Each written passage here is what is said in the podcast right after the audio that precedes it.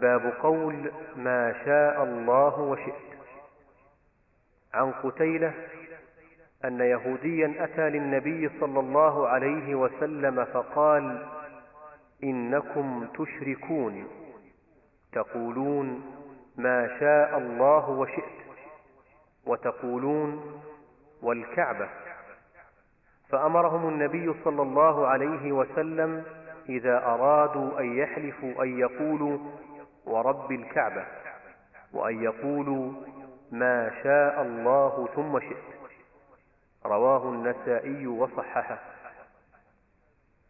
وله أيضا عن ابن عباس رضي الله عنه أن رجلا قال للنبي صلى الله عليه وسلم ما شاء الله وشئت.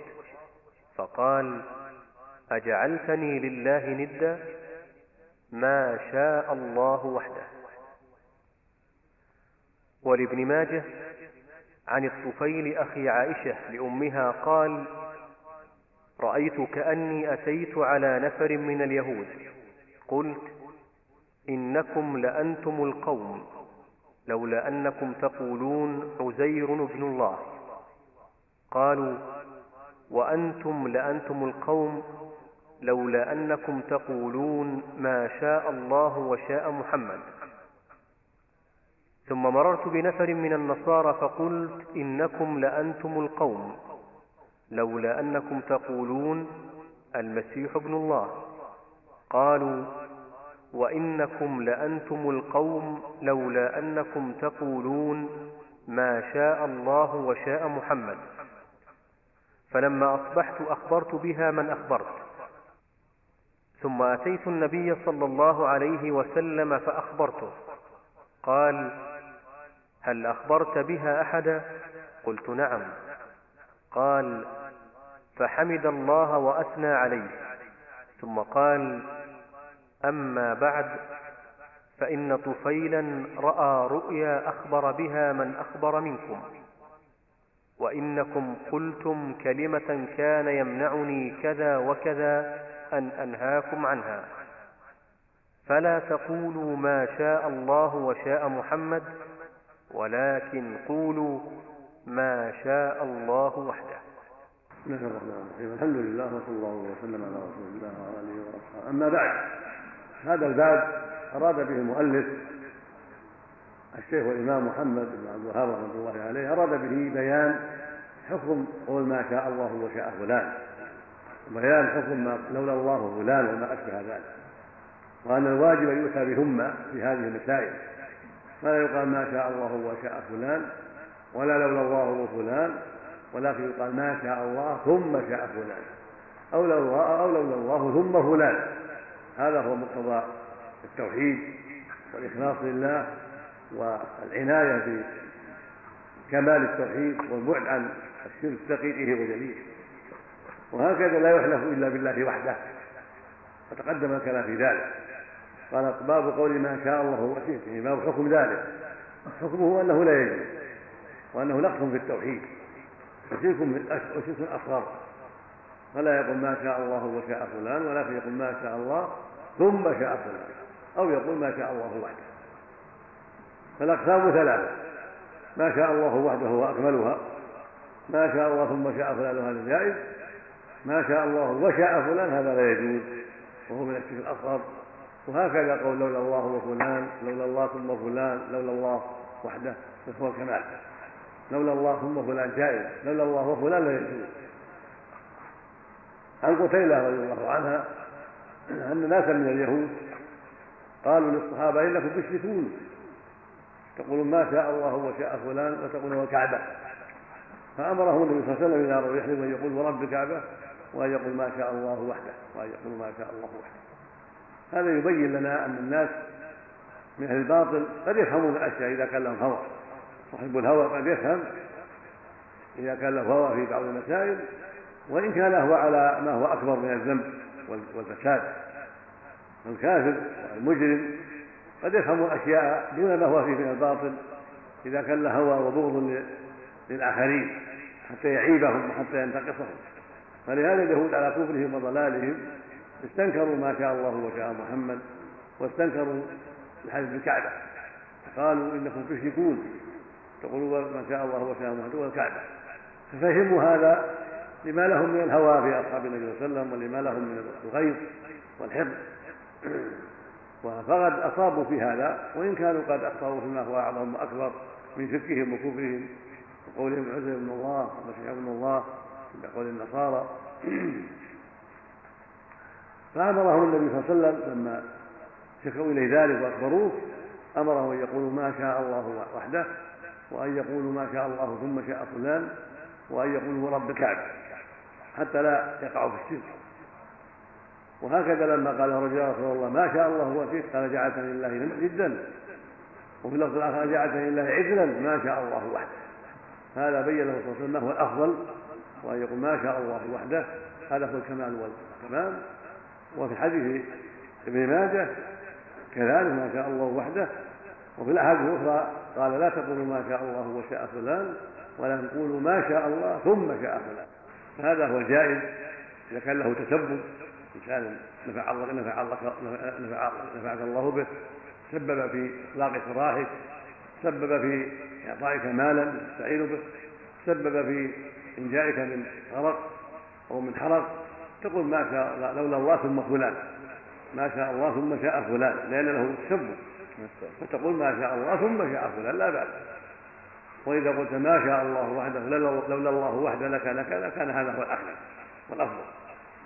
لكن ولهذا في حديث ابن ماجه عن الطفيل بن سحبرة أخي عائشة لأمها أنه رأى رؤيا في عهد النبي صلى الله عليه وسلم وهو أنه مر على جماعة من اليهود. قال إنكم لأنتم القوم. يعني مستحقون المدح لولا أنكم تقولون عزيز من الله فقال اليهود وأنتم يعني مع أصحاب محمد إنكم لأنتم القوم. يعني مستحق المدح لولا أنكم تقول ما شاء الله وشاء محمد. ثم مر على أهل من النصارى في رؤياه قال إنكم لأنتم القوم لولا, لولا أنكم تقولون المسيح ابن الله يعني عيسى. فقال النصارى إنكم لأنتم القوم لولا أنكم تقولون ما شاء الله وشاء محمد. فلما أصبح الطفيل أخبر بها من أخبر من الناس. ثم أتى النبي فأخبره عليه الصلاة والسلام. فقال هل أخبرت به هذا؟ قال نعم. خطب الناس عليه الصلاة والسلام وحمد الله وأثنى عليه ثم قال إنكم تقول كلمة كان يمنعني كذا وكذا أنا أنا ناكم عنها. فلا تقولوا ما شاء الله وشاء محمد ولكن قولوا ما شاء الله وحده. بين لهم صلى الله عليه وسلم ما هو الواجب وما هو الافضل بحقهم ونهاهم أن يقولوا ما شاء الله وشاء محمد. وأخبره أنه لم ينهاهم عنها لكذا وكذا. في رواية أخرى كان يمنعني الحياء منه ونهاكم عنها. يعني لأنه لم يأتي فيها أمر من الله عز وجل وحي من الله. فلما جاءت الرؤيا صارت سببا للمنع. وجاء الوحي من الله جل وعلا بمنعها. قال لا يقول ما شاء الله وشاء محمد ولكن يقولون ما شاء الله وحده أو ما شاء الله ثم شاء فلان. كما في حديث حذيفة عنه صلى الله قال لا تقولوا ما شاء الله وشاء فلان ولا تقولوا ما شاء الله ثم شاء فلان. كذلك حديث ثلاثة الابرص والاقرع والأعمى رواه الشيخان جاءوا إلى الابرص قالوا لا بلغنا اليوم إلا بالله ثم بك لا بلغنا الا بالله ثم بك فيقول الانسان في مثل هذه المسائل يا أخي لولا الله ثم أنت اصابني كذا وكذا. إذا كان انقذه أعطاه مالا خلصه من حرق خلصه من غرق يقول لولا الله ثم أنت لا بأس. لكن لا يقول لولا الله وأنت بالواو لأن هذه الواو تقتضي التشريف والمساواة فتمنع أما إذا قال لولا الله ثم فلان أو ما شاء الله ثم شاء فلان أو هذا من الله ثم فلان فلا بأس بذلك. ولهذا بين لهم النبي صلى الله عليه وسلم ما هو الأفضل وما هو الأكمل وبين لهم ما هو الجائز وبين لهم ما هو المحرم. فما شاء الله وشاء فلا محرم ونوع من الشرك الاصغر وقد يكون اكبر إذا أراد أنه له مشيئة مستقلة يكون شركا أكبر. وبين الجائز ما شاء الله ثم شاء فلها جائز. وما هو الأفضل وهو ما شاء الله وحده لولا الله وحده. وفق الله. هل إذا قال ما شاء الله وشاء فلان تعظيما ما يكون شرك أكبر؟ شرك أكبر. إذا أراد أن أنه مثل الله في العظمة أو أنه يستقل بالمشيئه دون الله. نسال الله السلام اشتاط الوقت ما عليه دليل. اشتاط الوقت ما عليه دليل. نعم. الله يبارك فيك. الدعاء بعد الوضوء هذا واجعلني من التوابين. لأن صحيح. نعم صحيح. رواه الترمذي عن جيد. عفى الله عنك. حديث ليس شيء من الطعام يغني ليس شيء يغني من الأكل والشرب غير اللبن. الله أكبر.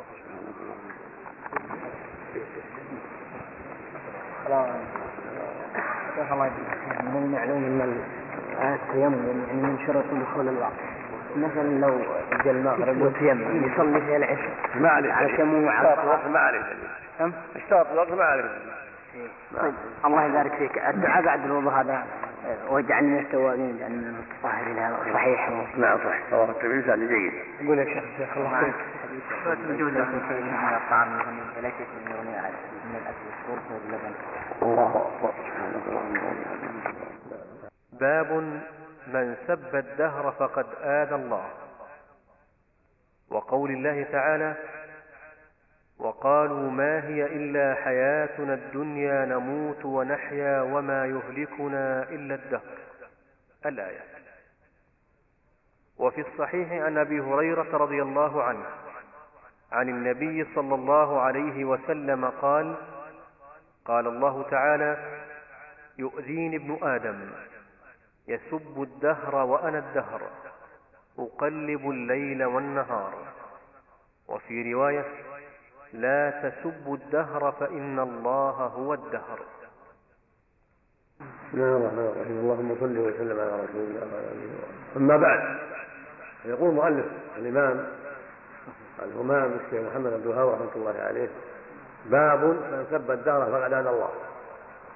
أراد بهذه الترجمة بيان أن سب الدهر وهكذا غيره من المعاصي من جملة الأشياء التي تنقص التوحيد وتضعفه وتنافي كماله. فالواجب على أهل الإسلام أن يحذروا المعاصي التي تضرهم وتضعف إيمانهم وتوحيدهم ومن ذلك سب الدهر سب الريح وسب من لا يستحق السب. فالموحد والمؤمن مأمور بإجتناب ما ينقص إيمانه مأمور بتعاطي ما يكمل إيمانه فسب الدهر مما ينقص الإيمان ويضعف الإيمان ويضعف التوحيد ويغضب الله عز وجل. لأن الدهر مخلوق مدبر ليس في يده تصرف فهو مدبر من الله عز وجل وهو الليل والنهار. فسبه إيذاء لله. والعباد لا يضرون الله شيئا ولكن معاصيهم تؤذي. فينبغي للمؤمن ويجب عليه أن يحذر المعاصي كلها. ولهذا قال تعالى إن الذين يؤمنون الله ورسوله لعنهم الله في الدنيا والآخرة. وأعد لهم عذابا مهينا. فالمعاصي أنواع الكفر والضلال كلها مؤذية لأنها تغضبه سبحانه فينبغي للمؤمن أن يحذرها ويبتعد عنها. وسب الدهر وسب الزمان والليل والنهار. قاتل الله هذه الساعة لعن الله هذه الساعة لعن الله هذا اليوم قاتل الله هذا اليوم لا بارك الله في هذا اليوم وما أشبه ذلك. هذا ما سب الدهر يعني شتمه أو لعنه أو الدعاء عليه هذا هذا سب أما وصفه بالشدة فليس من السب وهذا يوم شديد هذا يوم عسر هذا يوم النحر. هذا ما هو سب ليس من السب هذا يوم بارد هذا يوم حار وما ليس من السب في الحديث صلى الله عليه وسلم يقول الله عز وجل يؤذينا ابن آدم يسب الدهر وأنا الدهر أقلب الليل والنهار. بين معنى الدهر. انه هو اللي يقلب الليل والنهار. فسبه سب للذي قلبه وخلقه. فلا يجوز للمؤمن يتعاطى ذلك بل يحذره ويتوب إلى الله من ذلك. كلمة أخرى لا تسبوا الدهر فإن الله هو الدهر. يعني مقلب الدهر. والدهر مقلبه وخالقه ومصرفه. قد غلط من قال إن الدهر من أسماء الله كابن حزم. فليس الدهر من أسماء الله وإنما هو الزمان. وهو الدهر يعني خالق الدهر. ومصرف شؤون الدهر ومكون كائنات في الدهر فيجب على المؤمن أن يحذر ذلك وأن يصون لسانه عن مثل هذا. من هذا قول الصلاة لا تسبوا الريح. هكذا سب الإبل سب الغنم سب الأشياء الأخلاق الأخرى. المقصود المؤمن لا يسب إلا ما يستحق السب. والسب الذي لا يجوز له يكون نقصا في إيمانه ونقصا في توحيده ونقصا في ما شرع الله له من الدين. فالواجب على المؤمن أن يصون لسانه عما لا ينبغي وأن يطلق لسانه فيما ينفعه ويرضي الله عنه من ذكر الله ودعائه واستغفاره سبحانه وتعالى. أما سب الدهر وسب المخلوقات التي لا تستحق السب فهو ينهى عن ذلك. وفق الله الجميع وصلى الله وسلم على نبينا محمد. باب التسمي بقاضي القضاة ونحوه. في الصحيح عن أبي هريرة عن النبي صلى الله عليه وسلم قال إن اخنع اسم عند الله رجل تسمى ملك الأملاك لا مالك إلا الله. قال سفيان مثل شاهان شاه. وفي رواية اغيض رجل على الله يوم القيامة وأخبثه. قوله أخنع يعني أوضح.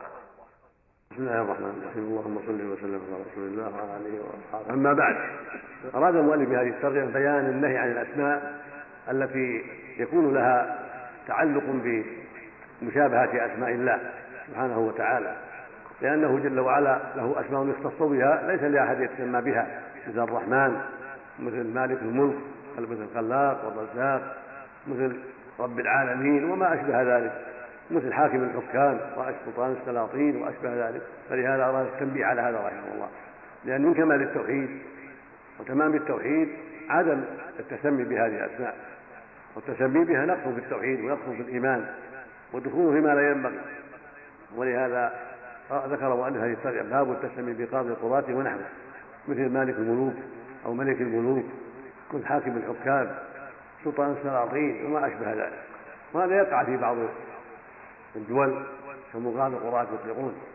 هذا لا ينبغي لأن معنى قاضي القضاة حاكم الحكام وإن كان مرادهم حكام البلد أو نحوه لكن إطلاقها غير مناسب. أما لو قال قاضي قضاة مصر قاضي قضاة مكة قيد فلا أسهل. وترك ذلك أولى بأن يسمي رئيس رئيس القضاة أو أمين القضاة أو ما أشبه ذلك مما يبتعد به عن هذه الصفة المطلقة. عن أبي هريرة رضي الله تعالى عن النبي صلى الله عليه وسلم قال إن إن اخنع اسم عند اخنع يعني أوضع واذل إن اخنع اسم عند الله. قال هذا الاسم كسره الدرج مثل ما في قوله تعالى تبارك اسم ربك ما يقال تبارك اسم ربك لا. تبارك اسم ربك. بإسقاط الهمزة في الدرج إن أخنع اسم عند الله رجل تسمى ملك, ملك الأملاك لا مالك عند الله. فأنكر النبي صلى الله عليه وسلم هذا الاسم لأنه يوهم وصفا لا يليق به. هذا لا يليق إلا بالله جل وعلا. فلهذا أنكره النبي صلى الله عليه وسلم لأنه وصف لا يليق بالمخلوق وليس المخلوق ملك الأملاك ولا ملك الملوك فلهذا أنكر عليه. قال إن اخلع عند الله رجل يعني أوضع اسم وأخبث اسم وأردأه. رجل تسمى ملك الأملاك لا مالك عند الله. قال سفيان بن عيينة مثل شاهان شاه عند العجم. عند العجم شاهان شاه يعني ملك الملوك وفي رواية أغضب الله وأخبثه بمعنى أخنع يعني هذا يدل على أن هذه هذا التسمي لا يجوز لأنه تسمي بشيء لا يليق بالمتسمي ولا يناسبه وليس هو أهلا له بل هو رفع لنفسه في مقام لا يليق به وإنما يليق بالله وحده سبحانه وتعالى.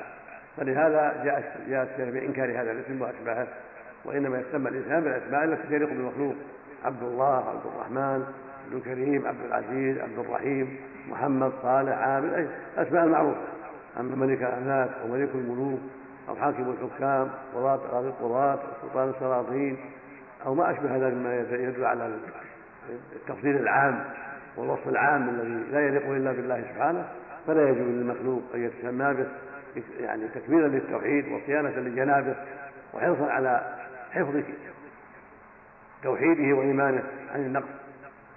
وفق الله الجميع. صلى الله وسلم على نبينا محمد باب احترام أسماء الله تعالى وتغيير الاسم لأجل ذلك. عن أبي شريح أنه كان يكنى أبا الحكم فقال له النبي صلى الله عليه وسلم إن الله هو الحكم وإليه الحكم. فقال إن قومي إذا اختلفوا في شيء أتوني فحكمت بينهم. فرضي كلا الفريقين. فقال ما أحسن هذا؟ فما لك من الولد؟ قلت شريح ومسلم وعبد الله. قال فمن أكبرهم؟ قلت شريح. قال فأنت أبو شريح. رواه أبو داود وغيره. قل رحمه الله باب احترام أسماء الله وتغيير الاسم لأجل ذلك. أراد بهذا الباب رحمه الله وجوب احترام أسماء الله والحذر من امتهانها أو احتقارها أو تسمية غير الله بها من الأسماء التي اختص بها سبحانه وتعالى. ولهذا قال وتغيير الاسم لأجل ذلك من أجل احترامها وتعظيمها. والأسماء قسمان. أسماء لا يسمى بها سوى سبحانه وتعالى الرحمن وخالق الخلق رب العالمين ورازق العباد والرزاق وأشبه ذلك. وأسماء يسمى بها غيره سبحانه وتعالى وله وللعبد فيها ما يليق به ولله ما يليق سبحانه وتعالى. المراده بها هنا المراد هنا الأسماء التي لا تصف لغيره سبحانه وتعالى. عن أبي شريح انه كان يكون أبا الحكم فقال له النبي صلى الله عليه وسلم إن الله الحكم واليه الحكم فقال إن قومي إذا اختلفوا في كوني فحكمت بينهم. فرجع كلا الفريقين. فلهذا سموني أبا الحكم فقال النبي ما أحسن هذا ما أحسن هذا العمل الاصلاح بينهم والتوسط بينهم حتى يرضوا وحتى تزول المنازعات هذا شيء مطلوب. والإصلاح بين الناس أمر مطلوب. وجاءت به النصوص الله يقول في وصفه الخير. فما لك من الولد قلت شريح. ومسلم وعبد الله قال فمن أكبرهم؟ قال شريح قال فأنت أبو شريح. هذا يدل على فوائد منها ما ذكره المؤلف من احترام أسماء الله وتغيير الاسم لأجل ذلك. ولهذا غير أصلا من أبا الحكم إلى أبي شريح. وفيه من الفوائد أن الإنسان يكنى بأكبر أولاده هذا هو الأفضل. ولهذا قال بل أكبرهم؟ قال قال فأنت أبو شريح. وفيه من الفوائد شرعية الاصلاح بين الناس وأنه شيء مطلوب. وأن ينبغي لأعيان الناس وكبرائهم ورؤسائهم أن يتوسطوا بين جماعاتهم في النزاعات وأن يحرصوا على إزالتها بينهم والإصلاح بينهم حتى لا تبقى الشحناء والعداوة فالاصلاح بين الناس أصلح لقلوبهم من الحكم. فالحكم قد يحصل به حزازات ولكن متى صلحوا عن طيب نفس وعن رضا كان أقرب إلى زوال الحزازات وزوال ما في النفوس. ولهذا شرع الله الاصلاح وحث عليه ورغب فيه حتى تحل محل النزاعات المحبة والمودة والألفة. وهذا الحديث رواه أبو داود وظاهر كلام المؤلف رحمه الله أنه صالح للحجة ولهذا اعتمده واكتفى به رحمه الله. فيدل على أن فلان يسمى الحكم أو أبا الحكم أمر لا ينبغي وإنما يسمى بغير ذلك لأن هذا وصف لله عز وجل فهو الحاكم بين عباده. وله الحكم في الدنيا والآخرة في الدنيا بشرعه وفي الآخرة بنفسه سبحانه وتعالى يحكم بين الناس بنفسه جل وعلا. فله الحكم وإليه المرجع سبحانه وتعالى. هو الحاكم بين عباده. فينبغي ولا يجوز أن يتسمى الإنسان بما هو وصف خاص به سبحانه وتعالى. فلا يقال الحكم ولا يقال أبا الحكم. ولكن يرد على هذا ما جاء في الأحاديث الصحيحة الكثيرة من تسمية الحكم والحكيم ولم يغيره النبي صلى الله عليه وسلم. وهي أصح من من هذه الرواية. والحكم يكون بالشرع. بين الناس ولا ولا يضره ذلك يسمى الحكم ويسمى القاضي ويسمى الحاكم. هذا ما يدل على هذا هذا هذا المثل فيه نظر ومن صحته نظر. قد أقر النبي صلى الله عليه وسلم أسماء منها حكيم بالحساب ومنها الحكم بن عمرو الغفاري وأسماء أخرى ولم يغيرها. فلو كانت منكرة لغيرها عليه الصلاة والسلام. هذا يدل على أنها لا بأس بها لا باس لا بأس يسمى بالحكم أو بالحكم أو بالحكيم كل هذه أسماء من أسماء الصحابة لم يغيرها عليه الصلاة والسلام هذا الحديث يدل أن في نظر يحتاج إلى تأمل وجواب يأتي إن شاء الله في الخميس الاتي إن شاء الله. في بعض أسماء الله في بعض الصحف وايات ما تعتبر هذا من الامتحان؟ نعم. في بعض أسماء الله يعني في الصحف ترمى بالقمام لا هو من الامتحان وهو من الامتحان ويكتب الصحف وايات الله والوعظ والتسجيل. لا لكن الإثم على من رماها بالقمائم مو على من كتبها. الإثم على من رماها بالقمائم هذا الذي ياثم في واحد يكون امرأة كبيرة في السن طبعا آه، لها أولاد وبعدين كبرت ما عاد بها أحد. فجاء الولد لها بنت ولد أخوها جاء له بنت وما في ما عندها لبن ولكن بمجرد أن الولد أو البنت هذه رضعت من رضعت درت عليه. درت عليه. وارضعته مثل ولدها رضعت خمس مرات أو أكثر. لبن صاحب يغذي اي ولد. ولد له وهي عمة الله من جهة النسب. من ولد أخيها. وهي أم له من من الرضاعة. ولا يشترط فيها أن تكون شابة ولا عنها إذا درت الحمد لله الله يا شيخ قلنا على السيارات ما جاء أحد يشتريها يبيع عليهم دين ما سمعت شيخ نعم واحد عنده سيارات يشتري السيارة ويستعملها ويجي واحد يشتريها ويدينها يشتريها من 25 لا جاء أحد يبغاها باع عليه 35 30 إذا كان لأجل المال إيه لا جمع بس هو ناوي انه هو يبيع ولا ولا ولا ولا أنا عندي- للبيع التجار شو يشترون السائلة لا هو يشتريها التجار ما شروا السائلة ليبيعوها بس هو يشتري ب 25 وبيع ب 35 30 ولو مع ما له حل ما له حل. موجود أبوي لكن وامي هنا يفضل الإنسان يتحرى. القريب احسن طيب لكن الناس يختلفون. فيهم الملي وفيهم المهملي فيهم الأجل القريب والأجل البعيد. يختلف. النبي طيب. اشترى البعيد بالبعيد إلى ابل الصدقة. عليه الصلاه والسلام فيها كذا كان عنده اخو يعني محتاج هل يعطينا الزكاة؟ اذا كان فقير حتى لو كان له ابوين نعم. له اذا ابوين مستقل. الاخ مستقل ما لم ينفق عليه. آه، مستقل. أو يساعده في. السلام عليكم. أحد القراء قرأ إنه عندما إنه في جهنم إنه الله سبحانه وتعالى هل يضع رجله بمعنى قدمه؟ يضع قدمه. هل بمعنى رجله أو قدمه يعني الفوج الأخير من الجماعة؟ هذا من تاويل هذا الكلام نعم. هذا من التأويل. من التأويل. قدمه نفس. آه. نفس الصفة. نفس الصفة لأنه الذي لا أيوه. جزاك الله خيرا. وهو لا يضره شيء. ما هو لا يضره شيء. هو الخالق لكل شيء. وهو خالق النار ولا تضره ولا يضره غيره. الله يحسن الله عليك هل لكن أهل الكلام الذين أعرضوا عن الله وعن رسوله تأولوا النصوص.